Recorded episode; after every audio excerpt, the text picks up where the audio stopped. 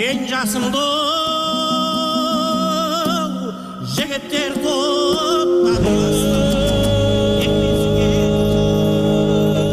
арқалы таудың шыңындай алқалы топтың туындай болған жыршы жыраулар жайлы білгіңіз келсе қошан мұстафаұлының інжу маржан хабарын тыңдаңыздар.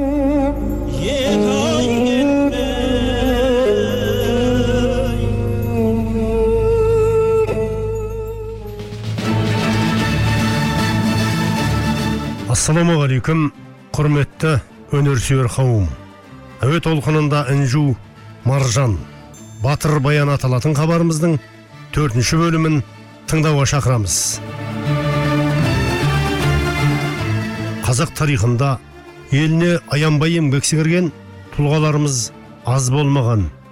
Солардың бірі батыр баянның замандас ағасы тәтті қара ақын әрі жырау. Абылай ханның ақылшысы ретінде біршама уақыт хан сарайында қызмет жасайды. Қазақ батырларының қалмаққа қарсы жорықтарына қатысып олардың ерлік істерін мадақтаған толғауларында жауынгерлерді табандылыққа төзімділікке үндейді. Мың жеті жүз елу алтыншы жылы син империясы басқыншылары мен абылай сарбаздары арасында өткен соғысты сипаттаған жалынды жырында қамыстың басы майда түбі сайда. Жәнібек шақшағұлы болатын найза. Алдыңнан су артыңнан жау қысқанда. Ер жігіттің ерлігі осындайда. Бөкейді айт сағырменен дулаттағы дербісәлі маңдайды айт қыпшақтағы. Өзге батыр қайтса да бір қайтпайтын сарыменен баяндайт уақтағы. Ағашта биікті айтсаң қарағайды айт жігіттік ерлікті айтсаң бөгенбайды айт найзасының ұшына жау мінгізген. Еменәлі керейде ер жабайды айт деп батырлардың ерліктерін ту етіп мадақтаған жырау тәті қара қазақ тарихында аты алтын әріппен жазылып қалды. Есімі халыққа кеңінен тарады. Өткір мінезімен шыншылдықты тіке айтқаны үшін абылай хан мен жырау арасы алшақтап ат құйрығын кесседі жасы ұлғая келе жағдайы ауырлап жоқшылық көреді. Алайда ақын қиыншылыққа мойымаған. Ханға бас имеген күйі 75 жасында дүниеден өтеді. Құрметті тыңдаушы алуан алуан жүйрік бар. Әліне қарап шабатын демекші қанша шапса да алқымы ісімейтін нағыз кетпен табан жүйрікке кез келген сияқтымыз.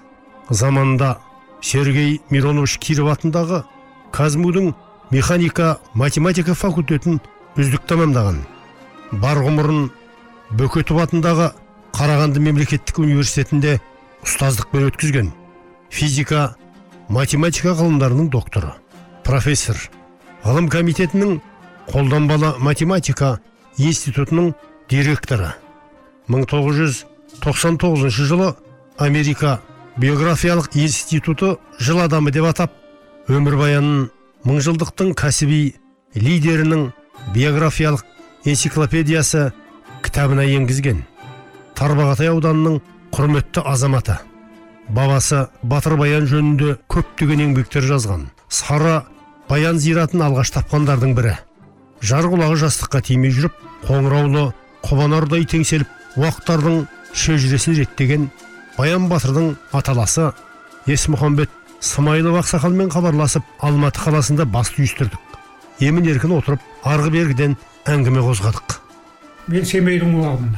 Семейдің ақсуат деген ауданының тумасымын. Сол жерде қалың найманның арасында туып өстік. Менің әкем сайдахмет ол кісінің әкесі смайыл сол жақта туған. 1854 жылғы. Уақтар орысқа бодан болмаймыз деп анау саратовтан бері қарай сын қазақ деген уақтың жері. Сол жерде убек деген қаланың орны бар күнге содан бері жылжи берген орыстар келген сайын жылжи берген сосын енді қостанай қызылжар көкшетау асып павлодар семей келіп сосын біраз енді бұл қалай жылжысақ артымыздан қалмайды. Ары қарай қытай өтіп кетейік дейді. Оған енді туған жерді қиып кетпейміз деген қалып отырған әр жерде. Қызылжарда қалғандар шоға уақтары.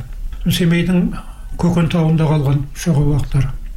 Сосын біздің аталарымызда қалған қалғандары ары қарай шекараны өтіп қытайдың баркөліне дейін барған. Енді сол баркөлден ар шығысқа қарай моңғолияға өткендер осы тоқсаныншы жылдары келген моңғолияның қазақтары не керей не шоғауы әжелеріміз шешелеріміз найманның қыздары біз сол қалың найманның арасында өстік. Бала кезімде жалғыз үй дейді сыртымыздан. Ақсуатқа ауданға біреу қызметке келсе көрсетеді екен қыз келісте туысқаның отыр деп.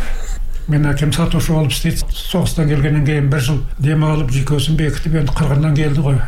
Тазы жүгіртіп аң аулап содан кейін бір жылдан кейін райкомға барады партия мүшесі. Олар осы жаққа кел десем енді қарт әкем бар сол тұрған жерімізде тұрамыз дейді. Ондайша дейді. Де кілең кішкентай колхоздар. Сол тоғызыншы май колхозына сатушы болып бол дейді. Соны сатушы болып орналасып содан колхоздар іріленгенде бірнеше кішкентай колхоз бірігіп тоғызыншы май колхозы болды. Сол жерге көшіп келдік елу бірінші жылы. Ақсуаттың орталығында өртке қарсы милицияның бастығы оспан қожахмет деген атамыз болды. Сол жаңағы жұрттың көрсетуіменен қырық сегізінші жылы ақсуатқа келіп орналасқанда келіп танысыпты онда менің атам бар екен. Сосын екеуі сөйлесіп жөн сұрасқаннан кейін біздің атамыз ана кісінің әке шешесін біледі екен. Содан бері қарай кәдімгі бір туған туыспыз олар қойбағыстың ішінде жәнібек біз әлібекпіз. Қойбағыстың ішінде төртеу есей арық әлібек жәнібек дейді. Мына серікқазы есей ә, премьер министр болып әлі сыртта жүрген. Қажыгелдин әкежан ол да есей. Ақсақал мынау бір әдемі шежірелі тарихқа тоқталдыңыз. Енді аттың басын өз кейіпкеріміз баян батыр жаққа бұрсаңыз қожахмет ақсақал өте шежіреші ақын жанды білімді адам болатын. Баян батырды ә, сонан кейін тәтіқараның өлеңін қамыстың басы майда жылы сайда жылы алдыңнан су- артыңнан жауысқанда жігіттің жігіттігі осындайды өңге батырып айтса да бір айтпаған сарыменен баяндайды уақтағы деп айтып басталатын өзі екі ауыз өлеңі бар. Сол өлеңді сол кісіден естідім. Сонан сол кісі таратып отырып біз шоғамыз шоғаның ішінде қой бағыспыз олар елкіс мүлкістің тармағынан деп. Ең алғаш сол кісіден естіп едім бала кезімде. Туралы баян батыр туралы. Қалың найманның ішіндеміз ғой енді онда ешкім айтпайды. Содан кейін алматыға оқуға келдік кітап жинадық энциклопедия шықты. Оның үстіне мұнда кітапханалар өте тамаша. Бес жыл академияның оқу залында ғылыми залында отырдым. Пушкин залында отырдым. Сонан тарихи кітаптарды оқыдық. Бертін келгені мағжанның батыр баян дастаны туралы естілді. Жабық. Ең алғаш орталық қазақстан газетіне мағжан ақталмай тұрған уақыт батыр баян дастаны шықты. Әдебиетші болды. Қарағандыдағы әдеби қоғамның бастығы болды. Шал жиырма неше жыл қала жауы болып отырып келген атында кітапхана бар қазір. Сол кісі сақтаған екен мағжанның батыр баянның жырын нұрмұхан оразбеков деген редактор сонан нұрмұхан герой сол кісі қарамастан басып жіберді. Конференцияға келгенде екі нөмірін алып келген мында ұстаздарым бірінен бірі сұрап алып оқып арқада жер жетпейді бурабайға дегенді мағжан бұрын айтқан екен ғой деп. Көркемдігін таңғалысып әлгіні Е, мен айтамын енді сәкен мағжанмен жарысып жазған ғой көкшетау поэмасын негізі мына мағжанның батыр баян поэмасын алматыға бірінші әкелген сіз болып тұрсыз ғой. Иә мен газет алып бердім кәдімгі. Енді ол уақыттың заңы да зәкүні де қатал кез ғой. Бұл мақаланы орталық қазақстан газетіне бастырған батыр кісінің де аты жөнін айта кетсеңіз. Жайық бектұров деген кісі. Ғажап архив үлкен білімі ұшан теңіз керемет ғажайып адам болады. Ибн ярсташ дос қылып аға қылып жетектеп жүретін жарықтықты. Университетте болады. Сосын ылғи гекке төраға қылып қояды. Оны бұны лекция оқып тиын тебен төлейді шалға. Ана кісі ағып тұр әңгімесін тыңдасаңыз құдай сақтасын кейде телевизордан да сөйлейді енді сол кісі әкеп нұрмұханға берген екен нұрмұхан оразбеков деген кісі мұхтар мағауиннің сокурснигі басып жіберді анау гкчп да бұл төңкеріс деп жазды ғой сосын газетіне тура бас кеспек болса да тіл кеспек жоқ деген не жазды әлгі барлық елдердің пролетар- пролетариялары біріңдер дегеннің орнына қолма қол ғажап адам болатын соныменен уақыт болып жүрдік жолыққан материалдарды жинап жүрдік. Әбден мағжан ашылғаннан кейін барып кітаптары шықты. Нағыз елге керекті дүниелерді айттыңыз ақсақал. Енді өзіңіз айтып отырған мағжан ақынның батыр баян поэмасын өзіңіздің жақсы көретін ініңіз жаңарқалық руы тама қобызшы әлібек өзбекұлы бимендиннің орындауында тыңдармандарымызға ұсынып отырайық.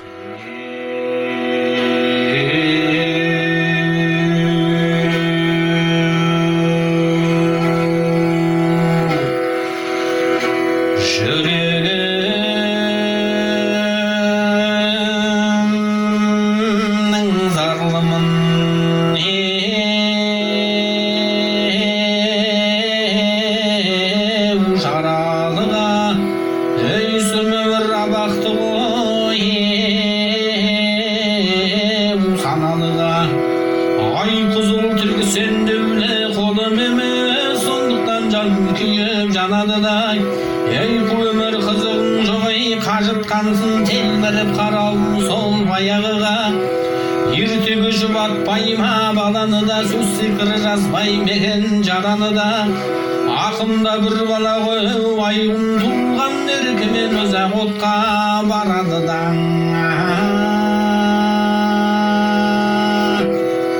Ей ойлайды күңірене толғайды ақын күрсіну көзіне жас алады да. Ақындау адам адамзатпен дос болмайды жалғыз ақырын сөйлер қаламына. Жайтақтар жабайыдан жолға алғанда қанды орда ақын жолау. Қалады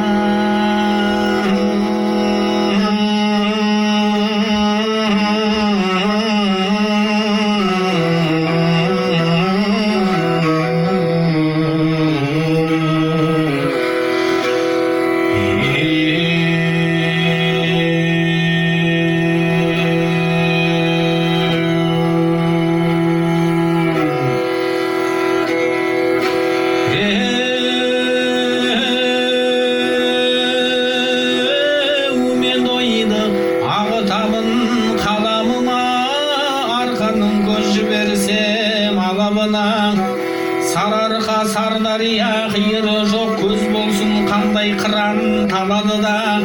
Ішінде сардария көз тоқтатар көкшетау сарыарқаның аралы да. Көкшеде күні кеше қойдай өрген түрлі аң бөрі бұғы маралы да.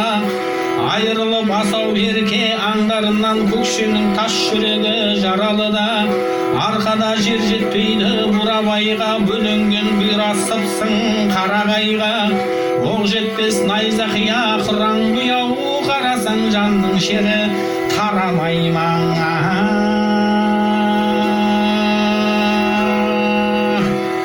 Ей бауырымда бурабайдың көкшенің жалыменен біткен жалғаш.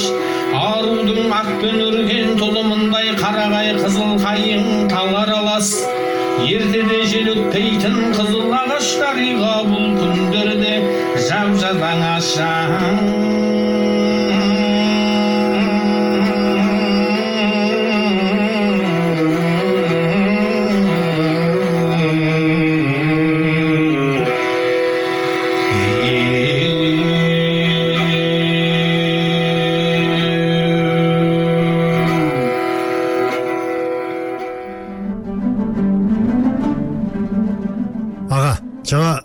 айтып отырған нұрмұхан оразбеков қазақылығы мықты батырлығы да бар азамат болатын. Біз мына казгуды оқығанда гекқа төреға болған еді.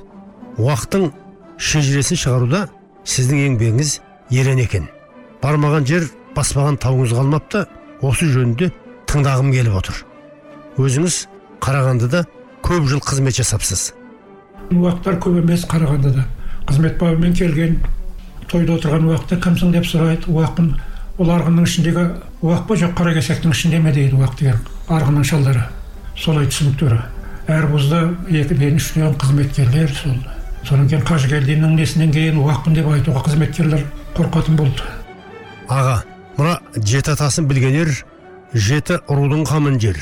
Жеті атасын білмеген тіліменен жағын жер деген тәмсілдің барын білесіз? Осы шежіре жинау жағынан айта отырсаңыз әдебиетші лауреат госпремий фольклоршы сейіт қасқабасов сол кісімен бір алтын емелге тойға бірге бардық сонымен сөйлесіп сейіт аға сирек қолжазба сіздерге қарайды ғой сонда уақыт шежірешілер бар ма деп едім біздің институтта серікқазы қорабаев деген жігіт бар сол өздерінің есей уақыттары деп өздерінің тармақтарын жазды сол біраз нәрсе біледі деді бұл 96 жылы болатын 97 жылы осында докторлық қорғау шаруасымен келіп жүрдім де серікқазыға бардым алдын ала звондадым келіншегі нұргүл алды. Мен осындай туысқан ағасымын балам серікқазымен қалай жолығамын деп бүгін аға жұмыста деді. Қай жерде отырады осындай әдебиет институтына барып көтеріліп? Сосын серікқазы мен сені іздеп келдім дедім ұшып тұрды. Аға ассалаумағалейкум деп содан «Е, мен шоға қой бағыс жәнібек уақпын деп о аға деп құшақтасып осылай енді ана сейіт ағаң осындай сен білетті уақыттың жағдайларын деп еді. Мен өзіміздің тармағымызды ғана белтеректің уақыттарын ғана жазғам деді. Кішкентай брошюра соны берді. Содан кейін қожа ахмет атамның өзінің жазған екі дәптер шежіресі уақыттар туралы. Сосын бір дәптер қайым мұхамедхановтың жинаған шежіре дәптері. Әлгі дәптерлердің ішінде бұдан мың жыл бұрынғы басталған сырлыбай қажының жинаған шежіресі дейді. Ішінде әркім әркім көшіреді әркім әркім толықтырады. Содан сол семейге бір шаруаға барғанымда асан омаров тауып алды мені абайтанушы абайтанушы шежіреші сондағы жаңағы қожа ахмет оспанов атамыздың ұлдары тұрады екінші ұлы нариман журналист болды елу екінші жылы бітірген мына казгуд филфагын өмір бойы семейде істеді газетте журналист содан кейін төлеген деген ағамыз партработник мектеп директоры болған ақсуатта сол семейге барған сол уақыттар жиналғанда айтыпты осындай менің бауырым бар осылай осылай пәлен күні келеді деп. Пойызбен келіп түстім ертіс қонақ үйіне келіп жатыр бір уақытта тақылдатады сегіз болмай екі жігіт келген танымаймын есікті мен асан омаров деген бауырым боламын сіздің келетініңізді естіп келдім осындай жұмыспен шығып кете ме деп ерте келдік. Қасында бір жігіт бар. Сосын сөйлесіп адресін алдым. Менде не нәрселер бар екенін айттым оған айтқан өтінішім мына бекен исабаевтың ұлылар мекені деген кітап тауып беру маған. Аға мен әкеліп беремін деді. Өзімде бар бекеннің қолтаңбасымен қанша боласыз әлі екі күн боламын бүгін қалада боламын деді. Сосын ана төлеген ағамның үйіне барамын сол үйге звондасам мен шығып аламын. Келіншек екеуі келіп тұр. Абай журналы бар бір. Сосын жаңағы бекен исабаевтың кітабы соныменен біртіндеп біртіндеп танысып материалдар бір бірімізге жібере бердік мен қолыма түскен серікқазыға жіберемін асанға жіберемін солай осы үшеуміз көкшетаулықтардың кітаптарын қызылжарлықтардың шығарған кітаптарын бәрін жинадық қой. Мынау бір керемет жұмыс болыпты қазақстанның бар аймағынан шежірелер кірген екен. Енді осыны бір жүйеге түсіру керек дедіңіз ғой. Мына әркімдікі әртүрлі әр кітапта. Абай атам ат шаптырып кісі жіберіп орта жүздің шежіресін жинаған. Содан қалған нәрсе бар ма? Уақыттың бір, түп тамырын табу керек. Ой аға бар. Өзіңіз айтып отырсыз міне. Абайдың несі? Қаракесектерге кісі жіберіп шежірелерін жинатса қамбар деген руы бар екен. Соның бір белгілі байы хат жазып жіберді дейді. Абай мырза мынауыңыз жақсы тіршілік екен. Құдай қуат берсін. Бізді қаракесектің ішінде тоқалдан туған дейді. Кітабыңызда осы мәселені дұрыстап жіберсеңіз сізге лайықты сый сияпатымыз бар дейді ғой. Соны қамбар руынан.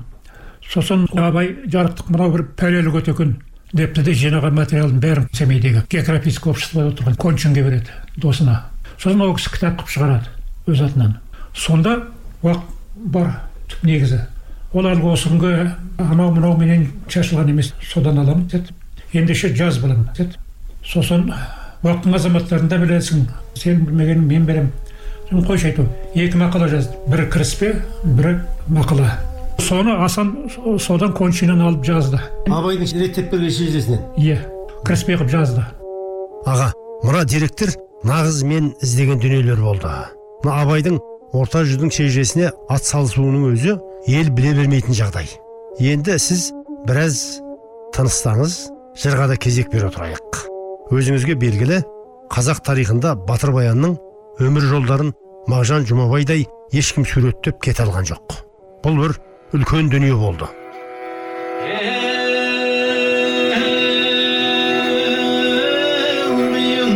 Туған жапанның сара даласында кез жаудан үркіп ақтабанға дұшпанның қалғандай боп табасында күндерді сонау қараң тапсырған ел тағдырын абылайдай данасына сол кезде ел қорғаған абылайдың қырдан асқан жадауын моласынан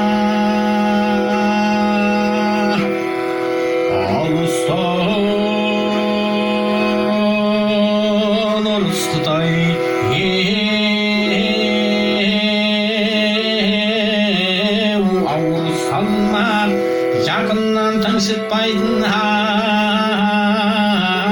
қалыңдалмақ Алдыңыр арт жағы күр жан жағы жаудан барған алаш шердау қайда бармақ? Сол кезде ел қорғаған абылай күн жаудың бірін шау ет бірін арбақ күндердің күлгінінде хан абылай қалмаққа ойын алдау ойыран салмаған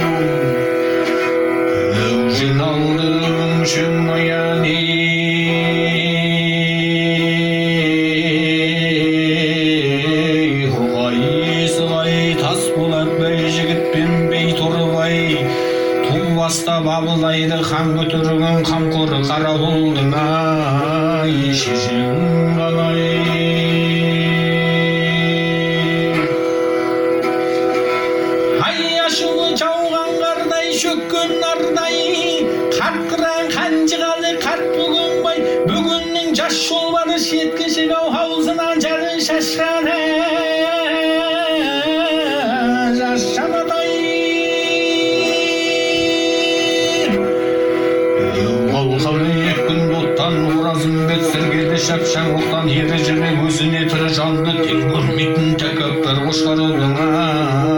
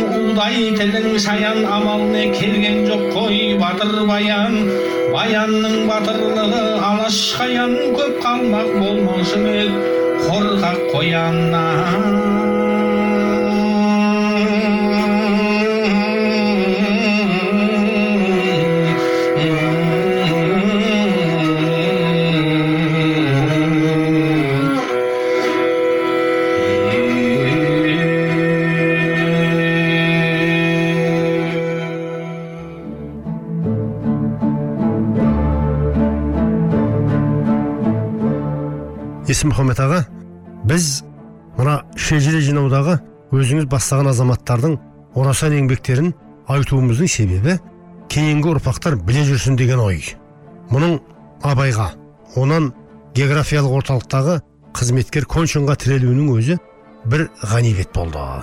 Өздеріңіз мына шеті қытай моңғолия омбы екатеринбургқа дейінгі аралықтан шежіре жинапсыздар. Енді мына менің алдымда жатқан үлкен том уақыттың шежіресінің шығу тарихында айта кетіңіз. Жұрттар интернеттен тауып мұсаймен хабарласады әлі кереметтей шежіреш. Сол бір күні екі мың жетінші жылы телефон соқты досым. Араласып тұрамыз күні бүгінге дейін туысқан сияқты. Мұнда дайкер темірғали деген ағаң бар деді. Көп жыл павлодардың облыстық білім басқармасын басқарған. Қазір пенсияда приватизация кезінде әлгі учительский институт деген бүкіл дүние мүлкіменен приватизация етіп алған сонда өзі баспахана ашып мұғалімдерге кітап шығарады техникасы бәрі бар сол облыс орталықтарындағы өзінің бұрынғы ескі коллегаларына сауын айтып облыс облыстың бәрінен уақыттардың тізімін жинатып жатыр сен айтып едің материалдарын жинаған алып келсін деп айтты деді соны бардым жетінші жылы келіншегі уақ екен қарлыға жеңгей де бір ғажайып адам екен нағыз батырға жар болатын ол кісіге екі бардым мен материалдарымды жинаған алып тағы да қолға түскен тағы алып қолымдағы кітаптарымды апардым. Қытайдан шыққан кітаптар уақ ұлысы деген бір кітап елегейлері деген бір кітап әйтеуір үш кітап. Олар не жазылған? Арабша. Содан кейін мына моңғолиядан келген уақтардың шежірелерін жинатып алып бардым.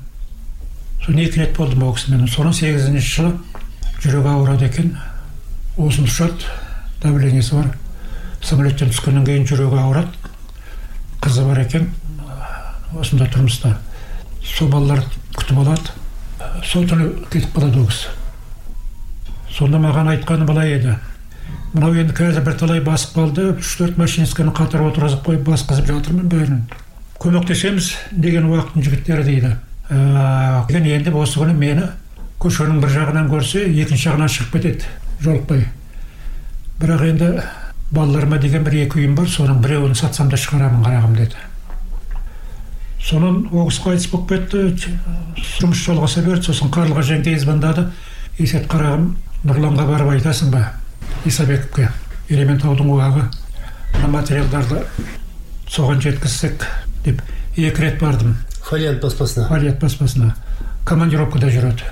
Сосын визиткамды беріп тастап кеттім. Бірақ енді бизнесмендер таныс емес адам звондамайды трубкасын да көтермейді. Сосын ана жақтан қарлыға жеңгей өзі тауып материалдарды әкеліп беріпті. Сосын енді апарып бердім тапсырдым барып қарап отыр деді. Соны барып таныстым үшінші рет барғанымда орында екен осындай қарағанмен қыздар жігіттер жұмыс істеп жатыр міне ара жақтан келген бәрі шашыраңқы бір бір жүйеге келтіріп жатыр деп. Ана ғасырда орта жүздің шежіресінің шығуына хакім абайдың пайдасы тисе мына уақытта фолиант баспасының бас директоры нұрлан исабековтың еңбегі зор болған екен аға. Ал енді талай нәрсені айтып жатырмыз ғой. Біз әлгі уақ болып жиналып шежіре жинап бастырып уақтан шыққан батырлар жазушылар ғалымдар соларды суретін қосып кітап шығарып жатқанымызда біз әлгі қазақтан бөлінейік деген нәрсе емес.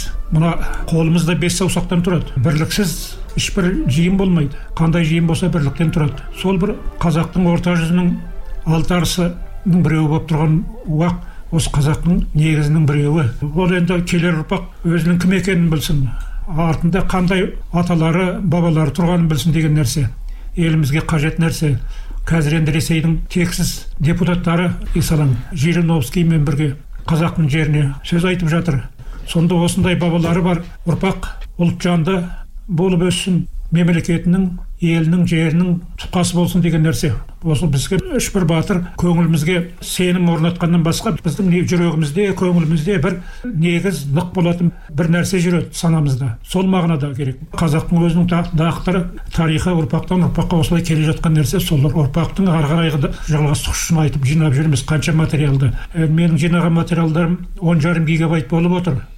Енді мына қазақ радиосына осындай енді жұмаржан сияқты бағдарлама жасап қазақтың керемет батырлары туралы би шешендері туралы материал жариялап отырған қазақ радиосына біз алғысымыз шексіз. Бүгін мына біздің бабамыз баян батыр туралы материал ә, даярлап соны хабарына кіргізейін деп отырғанына аса ырзамыз. Бастығы ернұр бурахан мырзаға да аса көп алғысымызды айтамыз.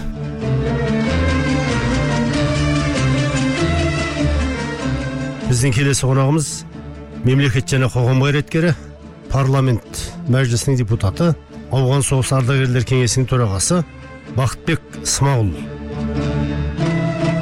Бақытбек мырза құс ұшса құстың қанаты ат шапса аттың тұяғы тозатын.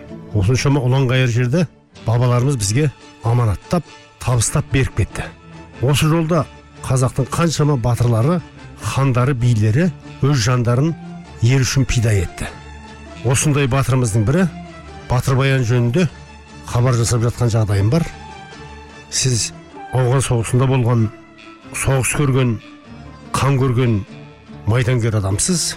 Қазақтың осындай батырлары жөнінде баян батыр жөнінде біраз әңгіме қозғасақ. Баян қасаболатұлының тұтас ғұмырын қазақ жұртының тәуелсіздігіндегі жолындағы күреске арнаған ержүрек батырлығымен тапқырлығымен қан абылайдың ерекше құрметіне бөленген аса қадірлі болып бағаланған екі батыр болса соның біреуі бірегейі осы батыр баян. Орта жүздің уақ руынан шыққан дейді. Бұл тек қана бір ғана уақ болатын ғана емес ол елге жерге шуақ та болған қуат та болған мақсатқа мұрат та болған осы тәуелсіздікке тұрақта болған. Тап осындай қазақтың қабырғалы атшулы мына қабанбай бөгенбайлар болсын. Солармен бірдей мысалға терезесі тең батыр баян. Ол кісі туралы шоқан уәлихановтың еңбектерінде де мысалға профессор жарқын тайшыбай да келтірген. Омбы облыстық мемлекеттік мұрағаттарының материалдарында сол нақты фактімен жазылады.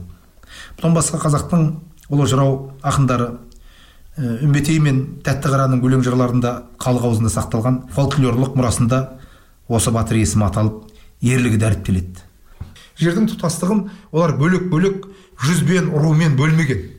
Ол тек қана тұтастық үшін ғана жүрген.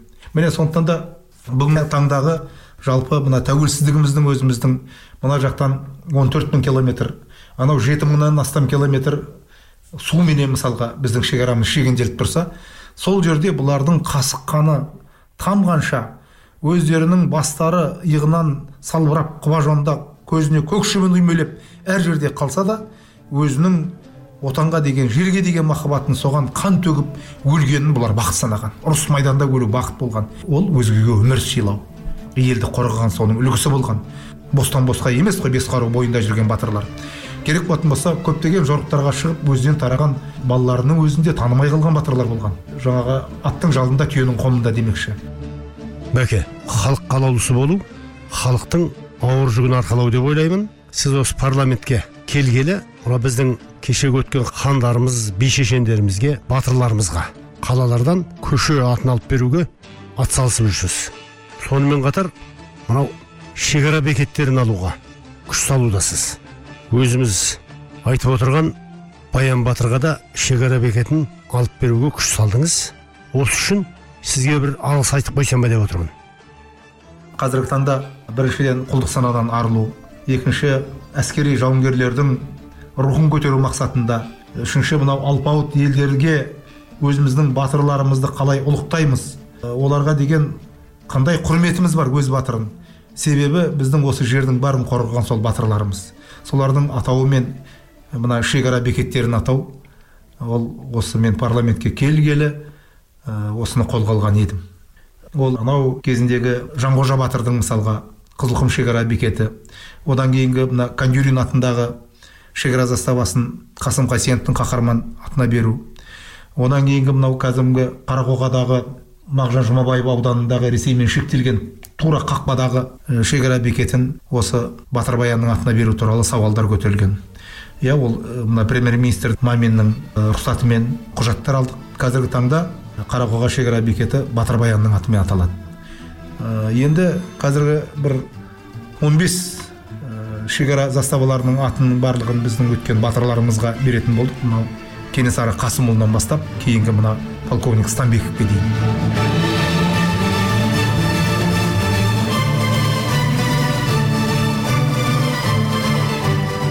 Батыр баян аталатын хабарымыздың төртінші бөлімі осымен тәмам. Қатысқан қонағымыз мемлекет және қоғам қайраткерлері профессор есмұхамбет смайылов мәжіліс депутаты бақытбек смағұл жыршы әлібек өзбекұлы. Хабардың авторы әрі айтаманы халықаралық жамбыл жабаев атындағы сыйлықтың лауреаты журналист қошан мұстафаұлы. Әуенмен әрлеген қайсар тұрмағанбетұлы. Жалғасын алдағы хабарда тыңдай аласыздар әуе толқынында келесі тілдескенше бас аман бауыр бүтін болсын ағайын.